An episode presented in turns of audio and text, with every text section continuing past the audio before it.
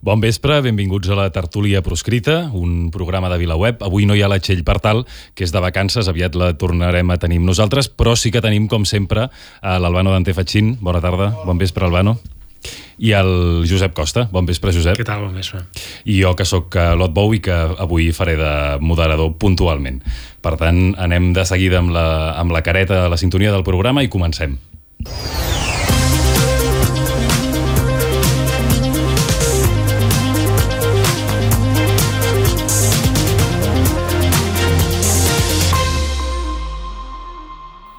Jo avui volia començar parlant d'això que ha passat amb el català tant al Congrés espanyol com amb el debat, l'ajornament del debat sobre l'oficialitat a la Unió Europea, però ahir mm, Felipe González, que ja ens té acostumats a, a, a trasbalsos importants, va fer unes declaracions en un acte, de, una presentació d'un llibre d'Alfonso Guerra, el seu exvicepresident, a Madrid, en què eh, va dir una sèrie de coses que han, portat, han, han causat molta revolada. Una d'elles, eh, Josep, és que va, va dir que no, no podien sotmetre's al xantatge de ningú i encara menys de minories en extinció. No? I va fer tot aquest al·legat en contra de, en contra de l'amnistia i, i en contra del, de Pedro Sánchez i del seu, del seu pla per pacificar Catalunya. Eh, no, sé com, no sé si has vist les declaracions, com ho vas veure? Bé, he vist que les xarxes en van plenes. Uh, uh, no, no he tingut la necessitat de sentir la veu, diguéssim, ja he vist la transcripció. Uh, en tot cas, el personatge jo crec que tothom l'ha definit ja i el seu llegat i la seva, la seva etapa de, de president espanyol uh, ja, ja està jutjada, diguéssim, més o menys per la història. Evidentment va ser el, el president que va consolidar una mica un cert estat de benestar i una certa estabilitat de les institucions i a partir d'aquí tot és ja de generació eh, que, que amb l'edat es va eh, amplificant. Jo crec que eh, aquests estirabots eh, bàsicament defineixen l'Espanya que volem deixar de, de pertànyer, no? I també és veritat que sempre hi han estat, eh? és a dir, Uh, jo crec que també hem de recordar que durant el, el, la, la preparació, el desplegament mediàtic, diguéssim, per justificar la concessió dels indults als presos polítics, també va sortir Felipe González i Alfonso Guerra a carregar contra els indults, eh, perquè ells tenen... Jo crec que ells venen d'una Espanya que ens tenia més eh, dòcils, no? Venen d'una Espanya en què el catalanisme no era independentista, majoritàriament, i que eh, no, la, el, va, el va investir. No? Felipe González va, ser, el canvi, va, ser, va ser investit per, per Convergència i Unió una, una legislatura. Uh, I, per tant, mm, crec que enyoren una mica el passat. No? De fet, de fet ahir, si m'ho permets, ahir uh, Felipe González reivindicava que ells havien estat sempre molt dialogants amb el nacionalisme català i recordava que en la Comissió Constitucional havien cedit un lloc a Miquel Roca, tot i que el PSOE els en hi pertocava dos, i reivindicava molt el paper del, el paper del PSOE en el procés de la transició. Uh, Albano, tu no sé si, si, si has seguit les declaracions, si, si vas tenir oportunitat de veure l'acte, però en tot cas, no sé com el Josep ho atribueixes a un, a un tema de desfassament de l'edat o hi veus eh, alguna, alguna cosa més, alguna tensió interna? Jo mm, ho sento, potser era part de la meva feina com a tertulià mirar-me tota la presentació del no, llibre, no. però no em demaneu això. He, vi, he vist el moment aquest que tu, que tu cites, no? la, aquest estirabot d'aquesta minoria en extinció. Uh, jo crec que, primer, sempre va bé que aquest, aquesta mena de personatge perdi els nervis, és a dir, que, que, que ens recordin que ens recordin qui són, sempre va bé. La setmana passada estava Aznar, no? Va sortir, van treure Aznar, aquesta setmana toca Felipe González.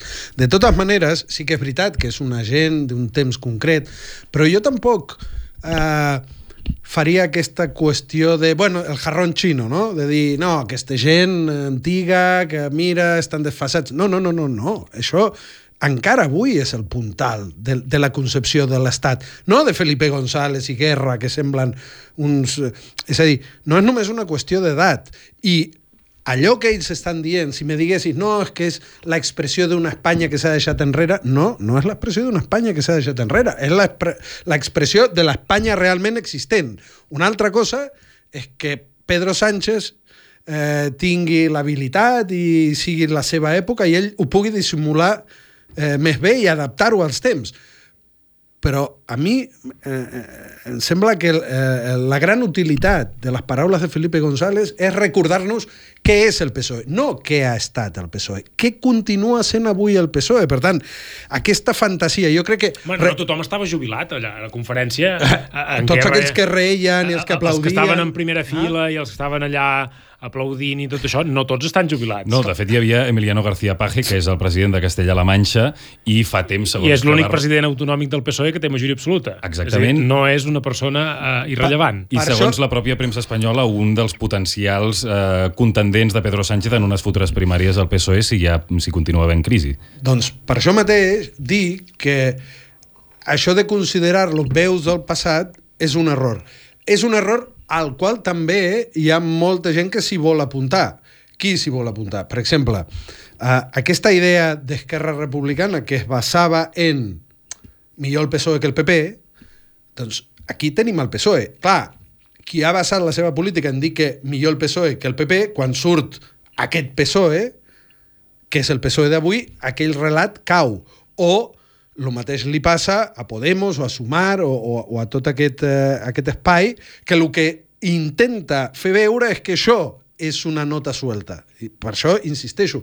I el, el 15M, eh, el 15M, al final, la frase que va passar a la història del 15M era PP, eh, PP i PSOE... És, eh, bueno, la, la frase era... Sí, sí, la pots dir, PP, la pots dir, no passa res. PP i PSOE la misma mierda són, no? Doncs a, a, aquell, diguéssim, eh, eh, diagnòstic, quan surt Felipe González, allà és on es veu, des de Catalunya, sobretot, de dir, són el mateix. Per tant, aquests intents de, per una banda, l'independentisme pactista, que, que necessita fer veure que pactar amb el PSOE no és tan greu com pactar amb el PP, quan passa Felipe González, queda clar que no. I per part de l'esquerra alternativa o de l'esquerra a l'esquerra del PSOE, és que al final Monedero sortia avui dient este es el PSOE contra el que salimos a la calle. No, no, este és l'únic PSOE que existeix. I, per tant, crec que eh, Felipe González ens fa un servei recordant-nos quin és el PSOE realment existent. Però, aleshores... I, i també, perdona, l'Espanya realment existent,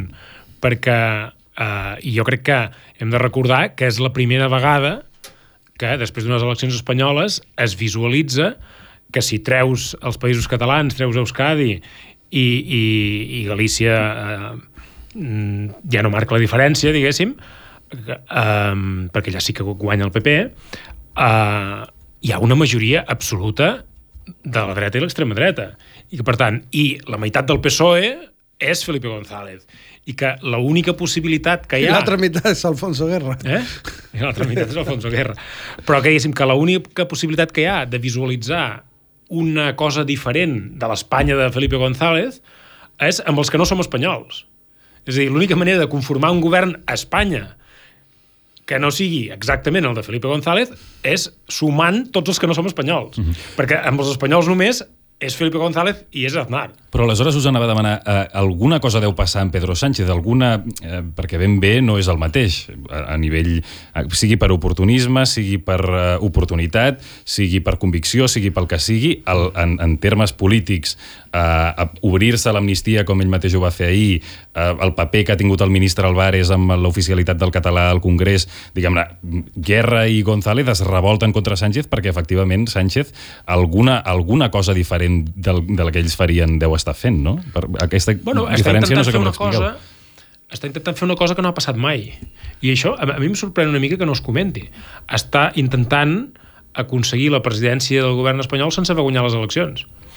Uh, I això li requereix, diguéssim, a sumar tots els partits que hi ha al, al Parlament espanyol, inclosos els més dissidents, diguéssim, els més allunyats de la, de la, centralitat espanyola.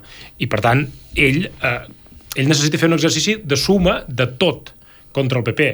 I tot contra el PP vol dir que ha de sumar coses absolutament allunyades del PP i fa un, un simple exercici de síntesi i, i clar, això l'allunya molt de la centralitat espanyola i per això eh, eh, genera aquests, eh, aquestes reaccions eh, però en, en el fons no deixa de ser una mica aquesta, aquesta dualitat, no? aquesta batalla entre les dues Espanyes una de les quals cada vegada és menys espanyola, diguéssim, no? Mm -hmm.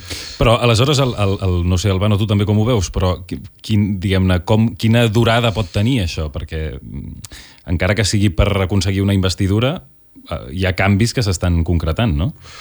Jo abans d'entrar en els canvis m'agradaria... Clar, aquí no tenim la pissarreta en part tal i, i jo no sé si me sabré explicar bé, però m'agradaria veure l'estructura de tot plegat. És a dir, Ara mateix que tenim? Tenim Pedro Sánchez que vol la investidura negociant amb els independentistes. No? Es podria dir que els dos pols del, del xoc són aquests. Darrere Sánchez hi ha tota una estructura, no? a Espanya, marcant-li els límits a Sánchez. No? Sánchez pot que tu abans deies, no, pot tenir un matís, una altra manera de no sé què, no sé quantos, Alvarez, Nana... Vale, acceptem-ho, acceptem-ho que Pedro Sánchez no és Alfonso Guerra. Ara, ells, com a estructura general, Sánchez, eh, eh, Alfonso Guerra i Felipe González marcant-li els límits a Pedro Sánchez formen part de l'estructura que l'independentisme té davant. M'explico? Llavors, quan vas a l'altre costat, a l'independentisme, en teoria hauria de tenir una estructura similar dient-li a Puigdemont i a Esquerra, però en aquest moment Puigdemont, marcant-li molt els límits. En comptes d'haver això, tens a qui hauria d'estar del costat de l'independentisme marcant els límits davant Espanya, tenim tota una part d'aquest independentisme explicant que Sánchez no és tan malo com Felipe. Me no? O sigui, estructuralment, tal i com està muntada la, la, el xoc, dir, nosaltres estem perdent, perquè mentre Sánchez pot ser molt diferent, però Sánchez al final, quan se senti davant Puigdemont o Esquerra o que sigui, li diran, mira, aquí darrere hi ha això. Els independentistes no tenen això. Al contrari, tenen un munt de gent apoyant a Sánchez, apoyant la idea de que mm. Sánchez no és igual. Llavors, aquí, l'independentisme eh, són so, so, molt burros són molt burros. En comptes de reivindicar que Sánchez no és tan dolent com Felipe, el que hauríem d'estar fent és tirant-li la cavalleria per sobre a Puigdemont de que com tira enrere, se les haurà de veure amb nosaltres. Sánchez, darrere, té un munt de gossos que com es passi un pèl se'l mengen. Pues Esquerra Republicana i Junts i Puigdemont haurien de tenir el mateix de l'altre costat i crec que no ho estem sabent construir. Per això us demanava també la durada que pot tenir aquesta estratègia de Pedro Sánchez, perquè ell, sens dubte, i, i, i Sumar, eh, i també especialment veient la campanya l'última campanya electoral, juguen amb la idea que si són eh, cada vegada més benèvols amb l'independentisme o amb unes certes reivindicacions, o siguin de veritat o siguin de catxa, eh, poden aspirar a construir una majoria de governabilitat a Espanya gràcies a, al suport d'una part dels votants independentistes, no?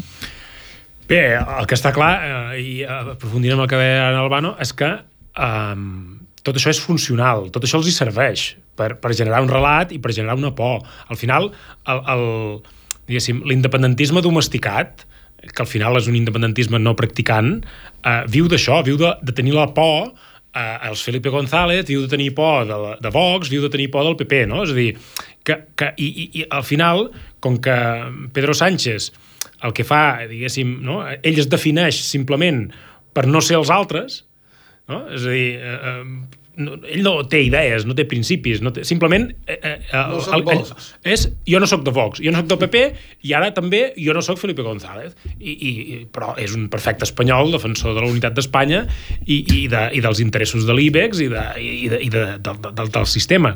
Però, clar, eh, eh, jo crec que aquesta idea també l'hauríem de tenir present, que com més pugen el volum allà, més els hi funciona. És a dir, més, més aconsegueixen rebaixar les reivindicacions ah. i les expectatives de, de la part catalana perquè eh, supos que després en parlarem.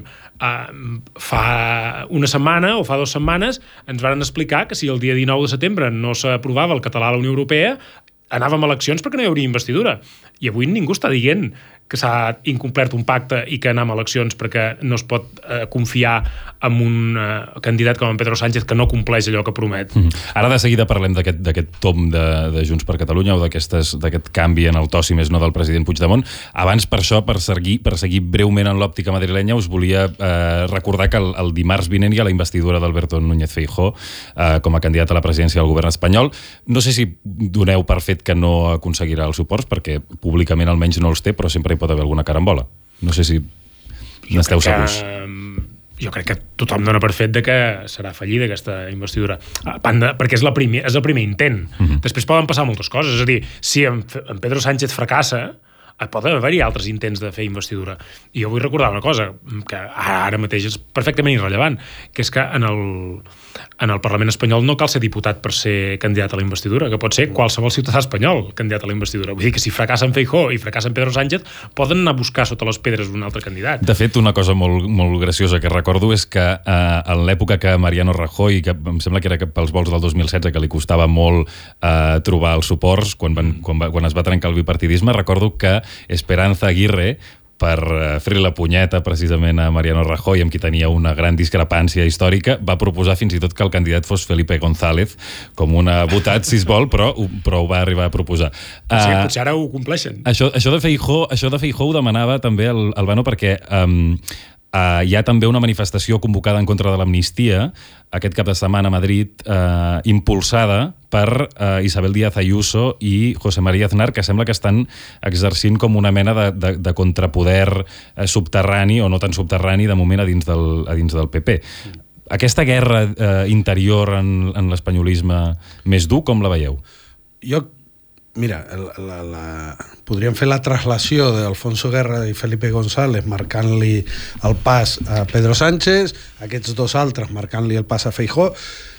Jo, jo sí que gaudeixo, i no sé si, si políticament té sentit, però les tripes em fan gaudir de veure'ls esbudellant-se. Vull dir, criticant-se els uns als altres. És a dir, en aquest, des d'aquest punt de vista dius, mira, si l'independentisme aconsegueix fer que que se tibin les costures de les seves mogudes i que Aznar i Ayuso es barallin en tal i que Felipe o que, o que el grup Prisa li foti canya Sánchez. És a dir, totes aquestes coses jo gaudeixo com a ciutadà de dir, bueno, pues, si els independentistes aconsegueixen tibar totes aquestes costures i que es barallin entre ells, escolta, sempre s'ha dit, no? Els problemes d'ells són oportunitats per aquí. Ara bé, eh, insisteixo, amb això no hi ha prou. Torno una mic, un, un moment a lo, a, al que dèiem abans. Um, quin, quin, quina por li té Pedro Sánchez a Felipe i a Guerra? Quina por li té Feijó a, a l'ABC i, i quina por li tenen els dirigents independentistes a l'estructura independentista? Crec que això és el que ens falta a nosaltres, tenir aquesta capacitat de condicionar de la mateixa manera que Aznar i Ayuso poden condicionar Pedro Sánchez, qui hi ha apretant els que seuen a la taula aquesta de negociació eh, o d'investidura? Trobo que no tenim. Dit això, aquestes manifestacions, tant la que es farà a Madrid com la que es farà a Barcelona, eh, tinguem-ho clar, i això també hauríem de, de trobar la manera de fer-ho servir al nostre favor, seran manifestacions supremacistes eh, i és que, que espanyolistes em queda curt. És a dir, seran una demostració d'odi eh? seran manifestacions sèrbies. Seran demostracions fortes d'odi com, com lo de... Oh, joder, és que lo de Felipe González és certament una... Un, un, vull dir, passa, ultrapassa els límits. Per tant, per això que va dir de les, de les minories en extinció. Les minories en extinció, imagina't el que poden arribar a dir en una manifestació a la plaça Colón, a Aznar, però és que quan vinguin aquí el dia 8, que hi ha una manifestació convocada per societat civil, que també vindrà Ayuso, o sigui, a mi el que m'espanta o el que, lo que em preocupa políticament no és tant, hòstia, aviam què faran... Ja dic, si es barallen, millor. Ara, quina capacitat tenim nosaltres de donar-hi la volta a aquestes declaracions de Felipe González? Quina capacitat tenim nosaltres de de treure força de, de l'expressió de, de, de supremacisme que ens espera aquests, aquests propers dies en aquesta manifestació i en les altres. Perquè al final ells no fan una manifestació per dir alguna cosa. I, I dic més, crec que no són manifestacions contra l'amnistia, són manifestacions contra els catalans. És que és així. Quan, quan es deia la, lo de la firma de l'Estatut, no era contra l'Estatut, era contra els catalans. I cal la pregunta és si som capaços nosaltres d'estar de, a l'alçada d'aquestes andanades. I no creieu que precisament amb, amb això que tu planteges Ai, com un però... torç de braç... Digues, digues. No, no, no, perdó, una cosa.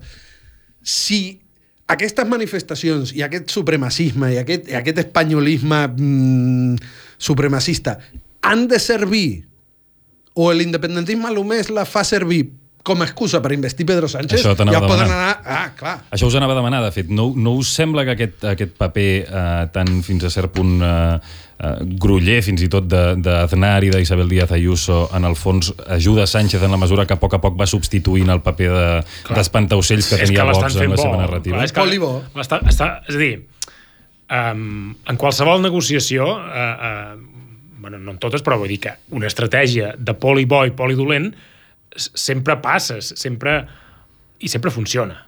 Perquè al final, psicològicament, t'acaba dient, home, eh, eh, agafa el que et dona el poli bo, perquè si no tens el poli dolent a l'altre costat. Aquesta, això és més vell que anar a peu, diguéssim. I, i, I Espanya ens ho ha fet tantes vegades que eh, el que és una mica sorprenent és que encara pugui motivar la gent o que pugui convèncer la gent. Eh, al final, tota aquesta, aquest, aquesta estridència amb el tema dels, eh, de l'amnistia i tot això, no? Eh, González, Guerra, Aznar, etc. i les manifestacions, el que volen fer un, o una de les funcions que tenen és rebaixar les expectatives de la banda catalana. I al final, eh, eh, bueno, mm, també pots llegir una mica en els detalls en què diu, és a dir, per, per, què, per què Felipe González eh, diu que l'amnistia és una traïció, no? parla d'algunes coses, de, no? que, perquè elimina el delicte, perquè no sé què, perquè no sé què, i llavors, clar, la solució d'en Pedro Sánchez és fer una llei que no es digui d'amnistia i que tot això que diu que és una traïció no hi sigui. I per tant que al final això de l'amnistia quedi amb uns indults 2.0. Que els, jo ja ho vaig dir, però crec que és important recordar-ho. Contra els indults també hi va haver molts escarafalls, també hi va haver moltes manifestacions i això no automàticament fa bo un pacte eh, eh, amb aquest resultat. És a dir, quan hi hagi una negociació, quan, hi ha, quan en, dues, en dues parts que estan molt enfrontades. És a dir, ara aquí tenim un conflicte, com diu en Vicent Partal moltes vegades, nació contra nació. És a dir, som dues nacions que no podem conviure juntes en el mateix estat perquè tenim projectes absolutament incompatibles. Quan aquest és un conflicte de tal magnitud, si hi ha qualsevol intent de negociació, lògicament hi haurà dissidències als dos costats. És a dir, a la banda catalana hi ha d'haver dissidències i la banda espanyola hi ha d'haver dissidències. Per tant, el, fet, el pur fet de que hi hagi dissidència en un dels dos costats no fa bo l'acord, no fa bo. La negociació és bona o dolenta en funció de, del que realment passa. No perquè hi hagi gent en contra de la negociació, això fa que la negociació sigui, bona.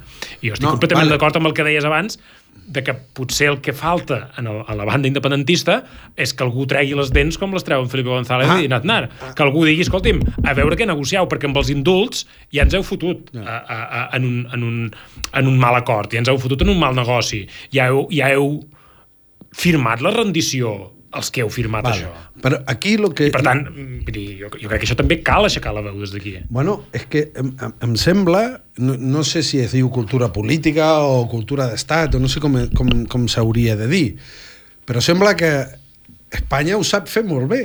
Sap fer, sap jugar, no? Tenim el que va negociar, tenim els que li marquen els límits al que va negociar, tenim el que fa el soroll perquè el que està de l'altre costat de la negociació rebaixi expectatives i se quedi amb el polibó. És a dir, els hi funciona perfectament la maquinària. Jo el que em pregunto és eh, qui, qui són els independentistes? Qui són els... De la mateixa manera que ells són els espanyols forts, qui són els independentistes forts en capacitat de marcar-li el rumb? I dic més, tenim, tenim com, a, com a moviment la capacitat de generar tot això. Jo recordo que en aquesta taula, no? per exemple, hem criticat moltíssim quan Esquerra portava la batuta de la negociació, que ho feia malament i sempre ho criticàvem, jo moltes vegades pensava, no, perquè s'enfadaven, no?, per Twitter quan o fas un tuit criticant Esquerra, mira, han investit a Pedro Sánchez gratis, et... vale. No, perquè... Escolta'm, en comptes d'enfadar-te amb els independentistes que et critiquen, i això també val per Puigdemont, ara que s'ha posat a negociar el que sigui, en comptes d'enfadar-te amb els independentistes, ves a la taula de negociació i digues els propers són els que venen aquí darrere. Igual que Sánchez seurà a la taula de negociació És davant jo, de... jo davant, o els altres? Jo, o soc jo o venen els altres? Vale, doncs pues, eh, Esquerra, en comptes d'enfadar-se amb els altres, hauria de fer... Esquerra i Puigdemont haurien de fer servir els que tenen darrere per dir mira, jo sóc el bo, però tinc un altre que són molt més cabrons que jo. Crec que hem perdut aquesta capacitat i la taula està desbalancejada i fins que no balancegem aquesta taula en, en, en la manera de construir i, i te dic una cosa, això no depèn de, de Puigdemont ni tan sols de la direcció d'Esquerra crec que depèn d'una cosmovisió de la societat catalana i del moviment sobiranista. No sé, potser però m'explico, no? Però voleu dir que això no passa ja, però en el sentit exactament contrari, diguem-ne? És a dir, que els partits independentistes ja atien davant de l'estat espanyol la por de la, de, la, de la potencial mobilització, però no pas per ah. beneficiar ah. la, la ciutadania, sinó al revés, per beneficiar el pacte que ells volen aconseguir. Eh, jo, crec que és, jo crec que és, que és evident que, que al final Uh, uh, Llavors bueno, tu i jo hem de fer de, de, de Felipe González entre, i, de, i de guerra, no? Entre d'altres coses... tu et demanes l'Ayuso i els fotem canya, hòstia. Jo crec que no, no pot ser més evident que, que aquí qualsevol eh, dirigent català que s'assegui a una taula amb dirigents espanyols ha de dir, mire, jo potser estic disposat a seure aquí, però si no sec jo, venen els unilateralistes que, que faran la DUI Vull dir que tu mateix, si, si no em dones el que jo vull, ve la DUI darrere perquè venen els, els unilateralistes que ens passaran per sobre. Vale, aquí, aquí això és el que ens falta. Aquí, bueno, podria ser, i això és imaginació meva perquè jo no estava en les negociacions, podria ser que fins ara, fins, fins a les eleccions generals, les últimes, potser Esquerra estava jugant això, de dir, ara vinc jo, que sóc, no? i a més que som progressistes i tal, però com no em facis cas a mi, vindrà l'altre boig d'en Puigdemont i aquell sí que és xungo. En canvi, és millor que t'entenguis amb nosaltres. Potser ha anat així. La qüestió és, primer, què ha tret Esquerra d'aquesta estratègia? Res.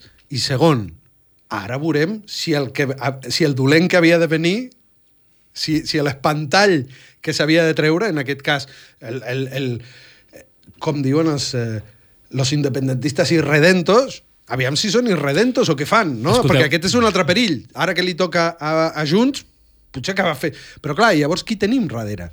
Abans que... jo, jo crec que el que, que seria important és que uh, el president Puigdemont es reivindiqui com a irredent i no es reivindiqui com a bon negociador, clar. sinó que es reivindiqui com a unilateralista, de dir, no, escolti'm, és que clar, i tant que jo sóc unilateralista, jo estic aquí per salvaguardar uh, la legitimitat fins ara està jugant això, fins ara està jugant això, de dir Ara sí que us les veureu amb algú que de veritat veurem si pot mantenir la posició. De moment sembla que sí, però això ho ara, pots ara perdre... Ara entrarem a fons, ara entrarem a fons amb la, amb la figura del president Puigdemont i amb com està gestionant eh, la negociació, que veig que en teniu ganes, jo també, però eh, per, aquesta setmana per la negociació ha estat molt important, com deia el Josep abans, eh, la qüestió del debat sobre l'oficialitat del català a les institucions europees, que els 27 estats membres eh, que formen part del Consell van decidir que ajornarien la decisió perquè volien més informació eh, jurídica i més informació sobre les despeses eh, per prendre, abans de prendre una decisió. Nosaltres aquesta setmana ja hem tingut eh, l'Arnau Lleonart d'enviat especial a, a, allà a Brussel·les, que va fer una crònica magnífica que la recomano, la podeu llegir al diari, en què ironitzava precisament en què el ministre d'Exteriors, José Manuel Álvarez, semblava soci de Plataforma per la Llengua. Uh, I aleshores ara mm, parlarem un moment amb ell perquè ens expliqui aquests dies com ha vist... Hola Arnau, què tal? Bona tarda. Hola, com esteu? Escolta, um, precisament parlant d'això, com, com, com és que ironitzaves amb, amb l'actitud de José Manuel Álvarez dient això, que semblava un, un soci de plataforma? Sí. Uh, com, com, com en vas veure l'actitud? Quin paper va fer? La posada en escena va ser bastant sorprenent. Primer perquè habitualment eh, el ministre d'Afers Estrangers no hi va en aquestes reunions.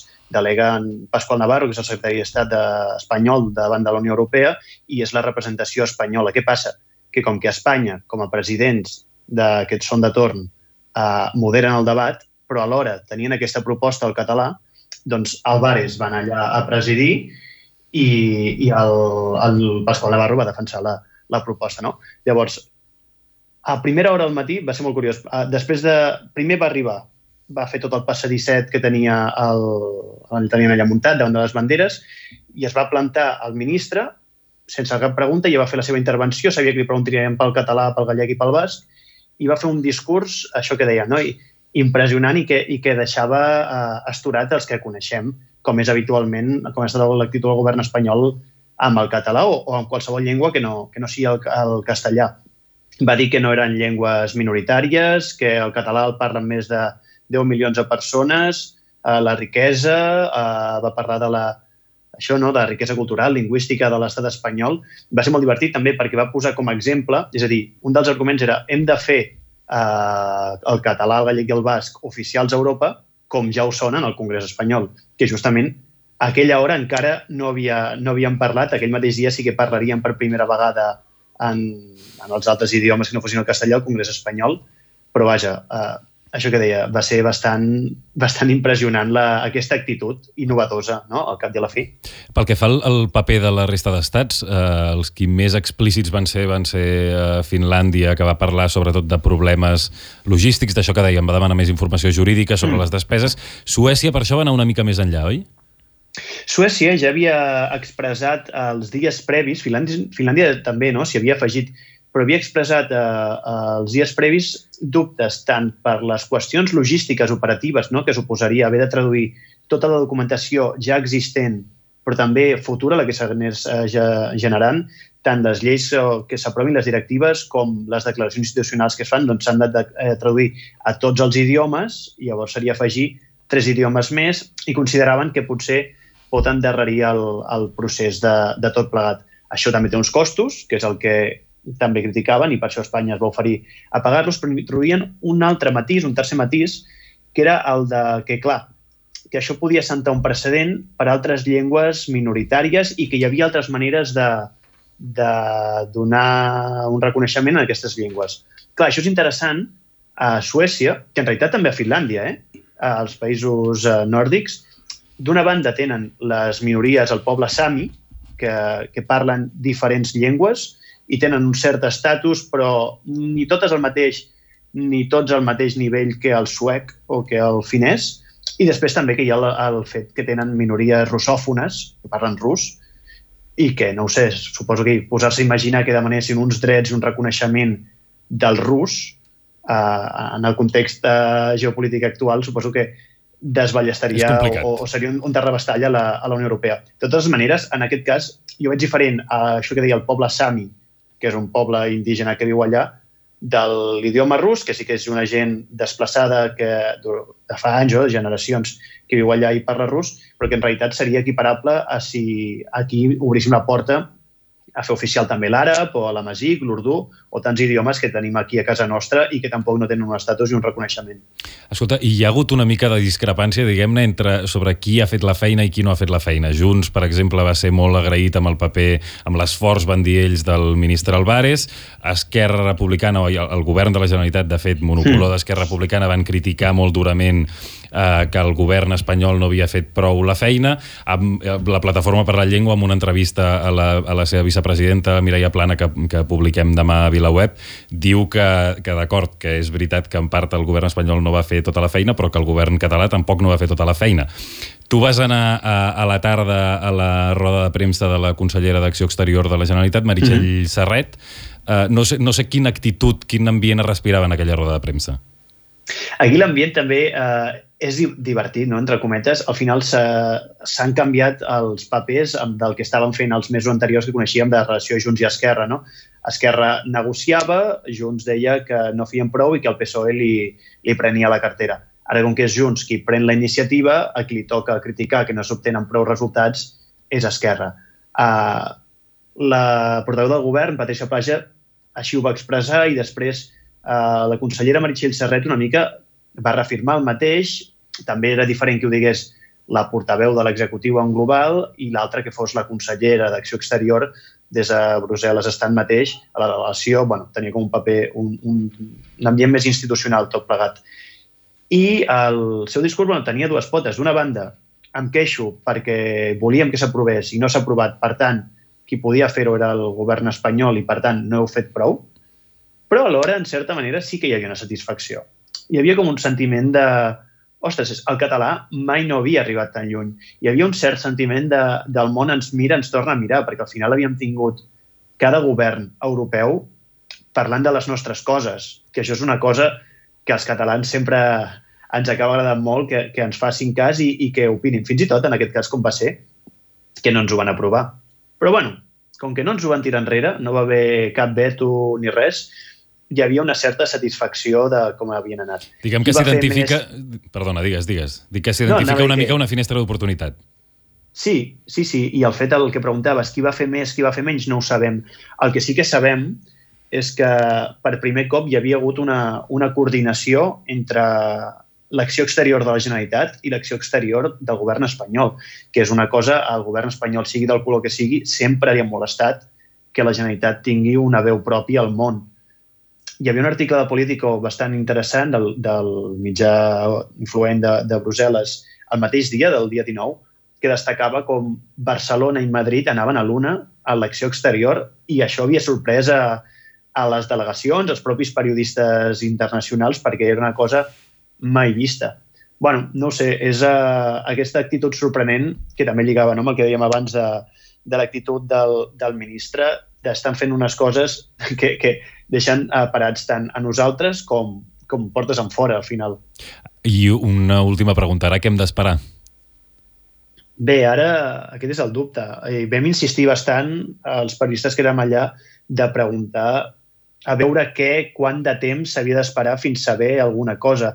Ara això ha baixat, eh, s'ha creat un grup de treball que encarregarà els informes tècnics, jurídics, financers eh, que calgui per resoldre aquestes qüestions financeres i d'operativitat. Que mm, difícilment podrà resoldre aquest grup de treball, entenc, les, els dubtes aquests més polítics no? de les conseqüències d'un possible efecte dominó que podria tenir declarar una, oficials unes llengües que el que, per la, per la sensació que tenien des d'Europa és allò que llengües regionals, li diuen. No és la llengua nacional dels estats, per ells són llengües regionals i diuen, ostres, doncs potser nosaltres també en tenim i això ens fa por. Això un grup de treball, uns estudis jurídics, no t'ho pot resoldre. Mm, calendari, no se sap. El que deien és que el que tan aviat com puguin posar d'acord 27 governs. 26, si comptem que l'espanyol ja, ja està d'acord, no? però uh, hi ha una data que és el 24 d'octubre, que és la següent reunió d'afers generals, que és com la que va haver-hi aquesta setmana, en la qual es podria aprovar una decisió així, i aquí ho veien just. Hi ha una altra encara a mitjans de novembre que arribaria, si la investidura de Pedro Sánchez fos això, a, a, els últims dies abans de la convocatòria automàtica d'eleccions, encara hi hauria una segona reunió que es podria arribar a aprovar. De totes maneres, eh, veient la reacció de Puigdemont, ara jo ja no descartaria que tiressin endavant la investidura sense que estigués aprovat, eh? que com que ja està encarrilat, doncs tirem endavant. Molt bé, doncs uh, fantàstic Arnau, gràcies per les explicacions. Gràcies a vosaltres. Ho veieu, ho veieu igual que l'Arnau? Us va, primer de tot, abans d'entrar en matèria de la negociació, us va sorprendre aquest ajornament? Ah, no, en absolut. Jo crec que n'havíem parlat ja aquí, que um, s'està plantejant una cosa que no ha passat mai, que és reconèixer una llengua uh, d'un estat després de la seva incorporació a la Unió Europea. És a dir, fins ara, quan un estat entra a la Unió, eh, se li reconeixen les llengües oficials que planteja aquell estat amb les negociacions i això queda reflectit en el tractat, doncs s'incorporen les llengües d'aquell estat que s'incorpora i a partir d'aquí no hi ha cap cas que un estat que ja és membre hagi afegit llengües a les llengües que estan eh, reflectides al tractat. Perquè hi ha un cas que és l'irlandès, però l'irlandès, justament, la justificació que fan per declarar-lo oficial el 2005 és que ja era una llengua del tractat original i que, per tant, que Irlanda, quan va accedir a la Unió Europea, sí que va, a, a, diguéssim, voler reflectir que una de les seues llengües pròpies eh, i oficials de l'Estat era l'irlandès. Uh, per tant, s'està plantejant una cosa, i per això jo, jo, jo entenc la satisfacció, diguéssim, de tot l'activisme la, lingüístic, de tota la gent que s'ha mobilitzat per veure si podíem aconseguir eh, l'oficialitat del català, perquè realment és una cosa, és una fita que no té absolutament cap precedent. Per haver arribat a plantejar a la taula del Consell de la Unió Europea l'oficialitat del català i mm, afegim-me a la sorpresa de que eh, el ministre sigui capaç de fer teatre d'aquesta manera tan, tan convincent, no? A, a, defensant el català que, que, que, que jo crec que els mateixos socis europeus devien mirar-se'l una mica estrany, no? Aquest senyor ha vengut una mica borratxo avui. Però, eh, bromes a part, eh, jo crec que el, el, dèiem això, si està encarrilat o no està encarrilat. Jo veig tres, jo veig que està encarrilat per, un, eh, per una carretera de tres carrils. Hi ha tres, possible... Hi ha tres escenaris perfectament igual de viables o de realistes. Quins escenaris veus? Um, jo mai he vist uh, que això es hagués rebutjat ahir mateix. És a dir, no, no, no, no, ningú esperava que hi hauria un veto, que hi hauria un no, uh, uh, un cop de porta ahir, uh, uh, aquesta setmana mateix. No? Uh, hi ha tres escenaris. Un, que s'acabi reconeixent el, el català com a, com a llengua oficial, uh, i primer el català, després el basc i el gallec, que s'acabi reconeixent, per tant, que això acabi bé.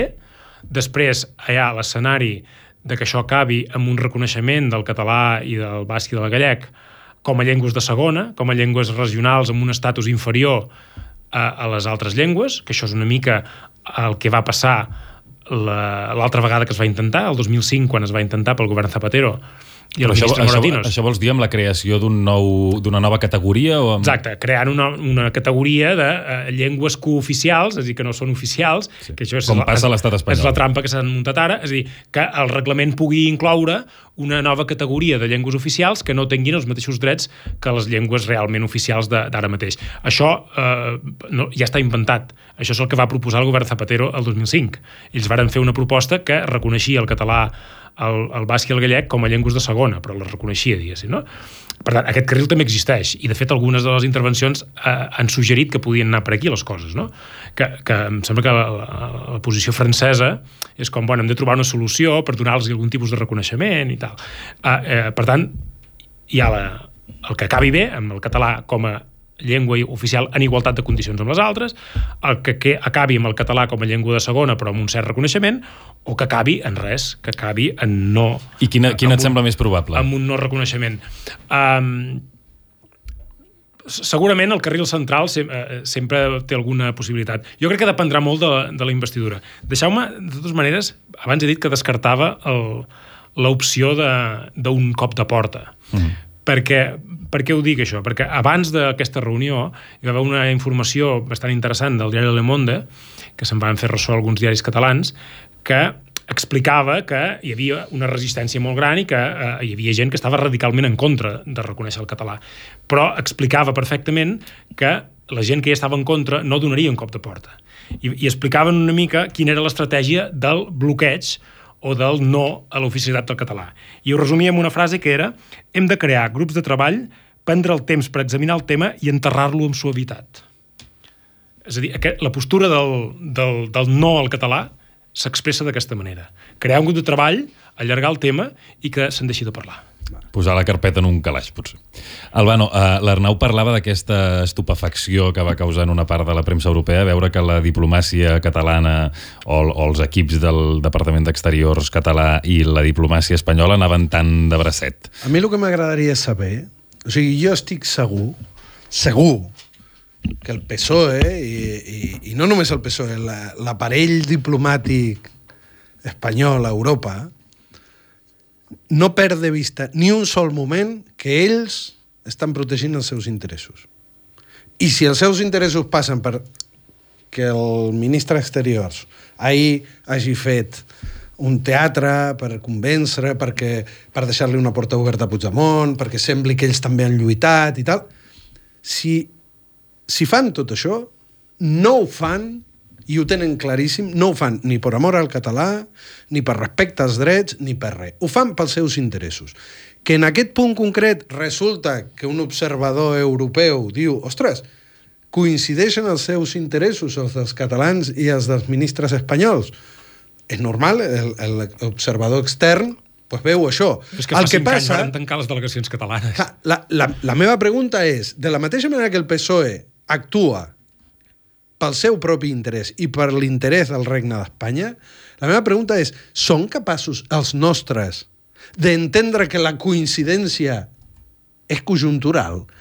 O, o de veritat estan contents perquè diu, ai, per fi el PSOE ens comprèn? Aquesta és la diferència. I té a veure amb el que jo parlava abans. Mm. És, és, és la concepció d'estat. Si demà, per una carambola estranya, a, als serveis secrets i als serveis eh, diplomàtics de l'estat espanyol els hi anés bé dir eh, visca Catalunya lliure, ho faran.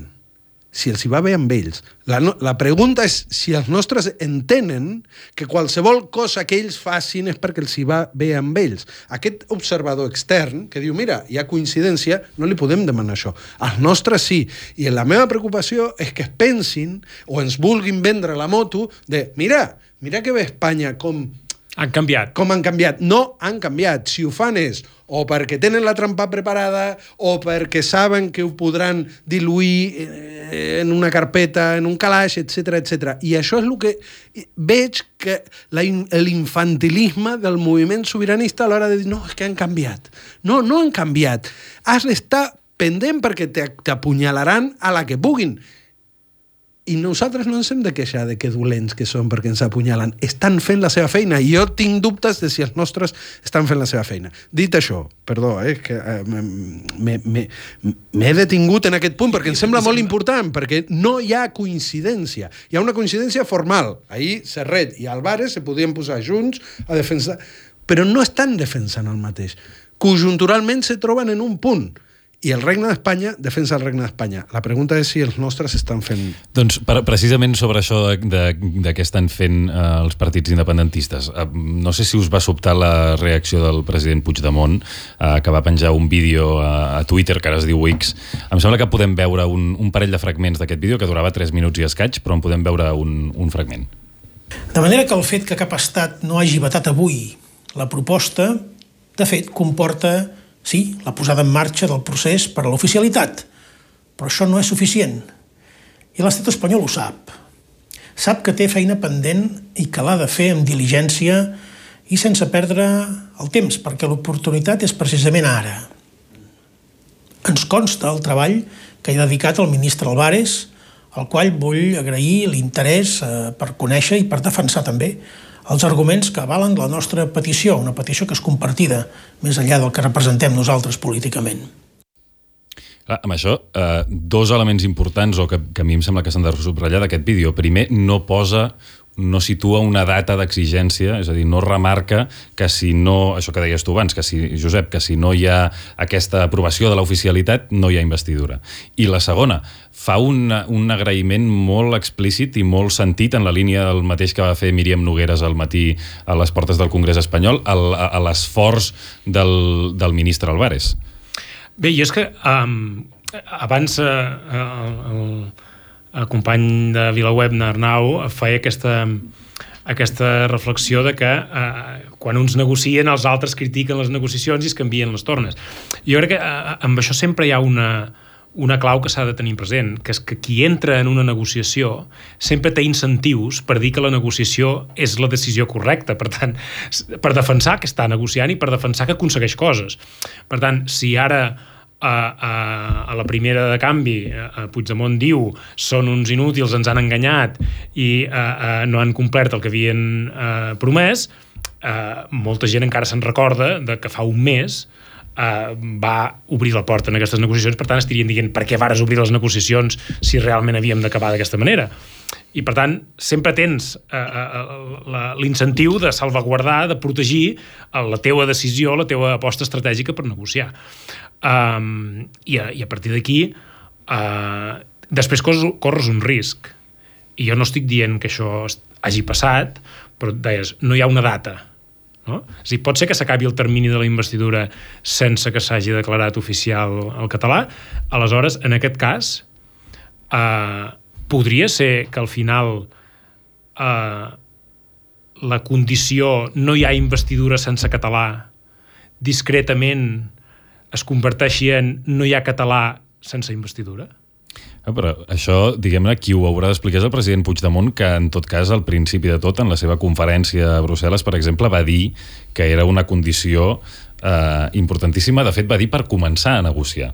No? I de, de fet estem veient que la negociació ja ha començat i que aquesta condició, mm. com a mínim, s'ha igualit eh, una mica. No, jo crec que ell, eh, sí, no, és, és evident que, que molt... És a dir, el president, jo crec que en el seu discurs va ser prou ambigu per, eh, eh, d'alguna manera, preveure diferents escenaris. Eh, el que sí que em consta, i que tots ens consta perquè ho hem vist, que hem llegit molts opinadors de l'òrbita de Junts defensant que si el 19 no hi ha català, no hi ha investidura i anem a eleccions. i això d'alguna manera el president els ha deixat en evidència en aquests opinadors jo, que veien això. Jo ent ent entenc, per lo que deia l'Arnau, que encara abans del, hi ha dos del sí, termini sí. hi ha dues reunions. Llavors, jo m'imagino, penso, o vull pensar que aquí s'està jugant amb altres factors. És a dir, mira, com que queden dues reunions, ara li dic que molt bé, li vaig empenyent, però és que després, per un altre costat, hi ha la carpeta de l'amnistia. Vull dir que que també podria succeir que sigui, bueno, anem tirant amb aquest tema, ens trobarem els esculls en l'altre, és a dir, això es creuarà en algun moment i, i potser eh, ara convé pues, allargar una mica el tema amb el català i fer la viu-viu amb les dues reunions que falten, mentre comença a posar-se la paret de l'amnistia, que sembla ser que serà una paret, també. De, de fet, jo sempre he pensat... O sigui, la qüestió és que eh, jo me poso en, en el en, el, en la pell eh, de Puigdemont, de, de, la, de la idea negociadora de Puigdemont, una de dues. O aconsegueixes alguna o surts airós de no aconseguir res. Qualsevol altra opció d'aquestes dues és convertir-te en Esquerra Republicana 2. És clar, però aquí no és només, la, la, la qüestió no és només aconseguir alguna cosa, sinó aconseguir exactament allò que has dit que seria la teva bueno, línia vermella jo, màxima. Jo m'imagino que quan Puigdemont va fer aquell discurs i va dir això, això i això, ell hauria calculat amb prou dic jo. I si, bueno, és que si no hi ha... directament, que no estava damunt la taula com el referèndum, ja no ho va plantejar. Bé, però abans, havia, havia, abans sí que ho havia fet, diguem-ne. Abans sí que havia dit que Bueno. ell mai no investiria mm, cap president espanyol si no fos a canvi d'això. Aquí és on te haurien de sortir, o hauríem de sortir tots els Felipe González, Guerras, Ayuso i Aznar del, del costat de l'independentista i dir, "Bé, però què, què ens esteu explicant?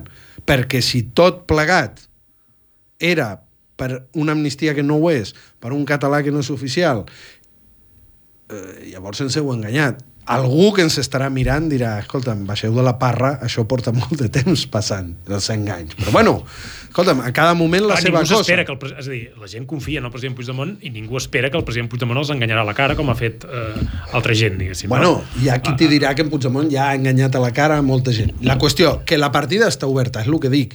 I, la, i jo crec que aquí, en el fons, i, i en un altre programa segurament parlaran, parlarem de com va la, la, la negociació de l'amnistia, que si eh, Asens ha dit això, que si l'amnistia no sé quantos, però en definitiva i des d'un punt de vista polític del moviment sobiranista i de la seva evolució, aquí el que estem esperant a veure tots és si Puigdemont, i dic Puigdemont, puc dir Junts, no? però Puigdemont, que és ara la, el focus on està la negociació, acabarà sent un Esquerra més, acabarà fent el que ha fet Esquerra. Lo... Aquí, aquí hi ha una diferència, i, i molta gent, a vegades per Twitter, em diu, estàs defensant a Puigdemont. No, no, senzillament el que dic és, Esquerra ja ha demostrat que treballa activament per donar suport a l'estat espanyol, a la monarquia, a l'IBEX, i això ho ha demostrat. I, això- i, i, i s'ha de dir d'aquesta manera, és a dir, Perquè pacificar, pacificar el conflicte és, a pa- és treballar per Espanya. No, no només, no només ha pacificat el conflicte, ha aprovat el decret de repartiment dels fons europeus dissenyat expressament per l'IBEX. Això ho ha fet Esquerra Republicana, ho ha fet Bildu també. Per tant, això ja ho sabem. En el cas de Junts no ho sabem, entre altres coses, perquè encara no havien tingut l'oportunitat de demostrar si ells ho farien d'una altra manera. Jo crec que encara no han fet el que ha fet Esquerra. I a vegades me diuen per titular, ah, estàs defensant Puigdemont. No, estem dient, vosaltres ja heu demostrat la nulitat absoluta a l'hora de negociar. Crec que el punt en el que estem ara, independentment de les qüestions concretes del català, de l'amnistia i tal, és si hi ha de veritat una força política dintre del sobiranisme capaç de fer una cosa diferent a la que ha fet Esquerra. I aquí és on també entren tots els dubtes. Per què? Perquè si efectivament no hi ha català, si efectivament l'amnistia no sé què, hi ha gent que em dirà que ja ho ha demostrat no posant com a condició el referèndum. Això també és veritat, no? Hi ha, hi ha una part de la gent que diu això. Bueno, jo crec que estem esperant això. Mm, No, no, no acabo de ser gaire optimista. A la vegada, jo vull... Escolta'm, si Esquerra ha tingut sis anys per investir presidents gratis, eh, bueno, com a mínim, deixem-li aquestes setmanes a Puigdemont. Ara, crec que li haurem de deixar les setmanes mossegant, de dir, mm, no podem suportar una altra esquerra republicana. Però vosaltres us sembla que, que el president Puigdemont i Junts per Catalunya poden plantar-se una investidura de Pedro Sánchez i votar-hi a favor o fer president Pedro Sánchez, eh, per exemple, només amb una amnistia, només amb un inici a tràmit d'una amnistia i amb un inici dels tràmits per l'oficialitat del català? És a dir, no, no, no què en penseu vosaltres, eh, que també m'ho podeu dir, sinó si, veie, si, si creieu que això eh, realment tindria un cost electoral i si creieu que això li portaria problemes a Junts per Catalunya. Puigdemont ha dit que això que dius tu no ho podia fer. O sigui, Puigdemont ha dit, si no està fet, no ho podem Jo, fer. Sí, jo, però- crec, jo, crec que, jo crec que Puigdemont eh, sap perfectament que no pot investir Pedro Sánchez ni per lo civil ni per lo criminal. Que no l'ha d'investir. Uh, una altra cosa és que necessiti, diguéssim, cohesionar el seu espai polític en el qual hi ha gent que no es distingeix en quant a estratègia negociadora d'Esquerra Republicana. És a dir, aquest és, un problema que té el president, que és que dins el seu partit té, ja té una Esquerra Republicana bis, ja té gent que està tan entregada a l'Estat com a Esquerra Republicana. Uh, uh, I, per tant, això ho ha de cohesionar d'alguna manera i ell té incentius eh, per d'alguna manera oferir negociacions encara que no se les cregui. Jo crec que el president no és, no és tan ingenu com per pensar que farà un gran acord amb Espanya. Vale, no és tan ingenu per pensar això i la següent pregunta és tindrà capacitat d'enfrontar-se a tots els del seu partit que volen ser rufians?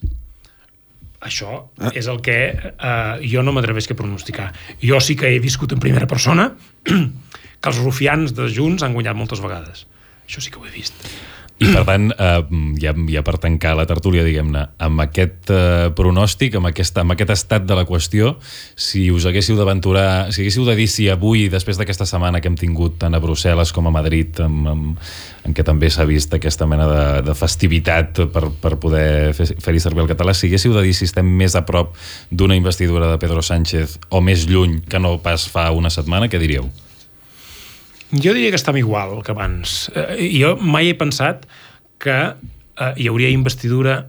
perdó, mai he pensat que hi hauria català sense investidura, mai he pensat que hi hauria amnistia sense investidura, i al final tot va lligat a la investidura. Si hi ha investidura, hi haurà coses, i si no n'hi ha, no n'hi haurà. I el pagament per avançat, eh, al final... Clar, és que amb eh, aquest concepte tindran molts problemes, perquè... serà un taló, però no sabem si té fons encara. És a dir, et firmaran un taló o et firmaran un pagaré, però al final no l'hauràs cobrat. El dia que arribi la, la necessitat de votar, encara no hauràs pogut cobrar. Però això 100%. no és cobrar per avançat. No? Que et facin un taló i et diguin ei, eh, Bueno, a veure, passat sí, tot- sí, sí que és veritat que un taló sense fons és delicte, diguéssim, és una estafa i per tant pots posar-li una querella al qui et fa un, un taló sense fons, però eh, cobrar-lo, cobrar-lo no el cobres quan te'l firmen. Jo, jo crec que hi ha, hi ha, hi ha riscos i, és, i per mi és evident això que, que el que deia en Albano abans que jo volia recalcar-ho que és que tot el que faci Espanya és en interès d'Espanya tot el que faci el PSOE és interès del PSOE i tot el que cedeixin ara, encara que sembli que estan cedint coses cap a, cap a Catalunya, cap a l'independentisme, és perquè els hi convé a ells, no perquè simplement... Hagin vist la llum. a- a- han vist la llum o han canviat de posició.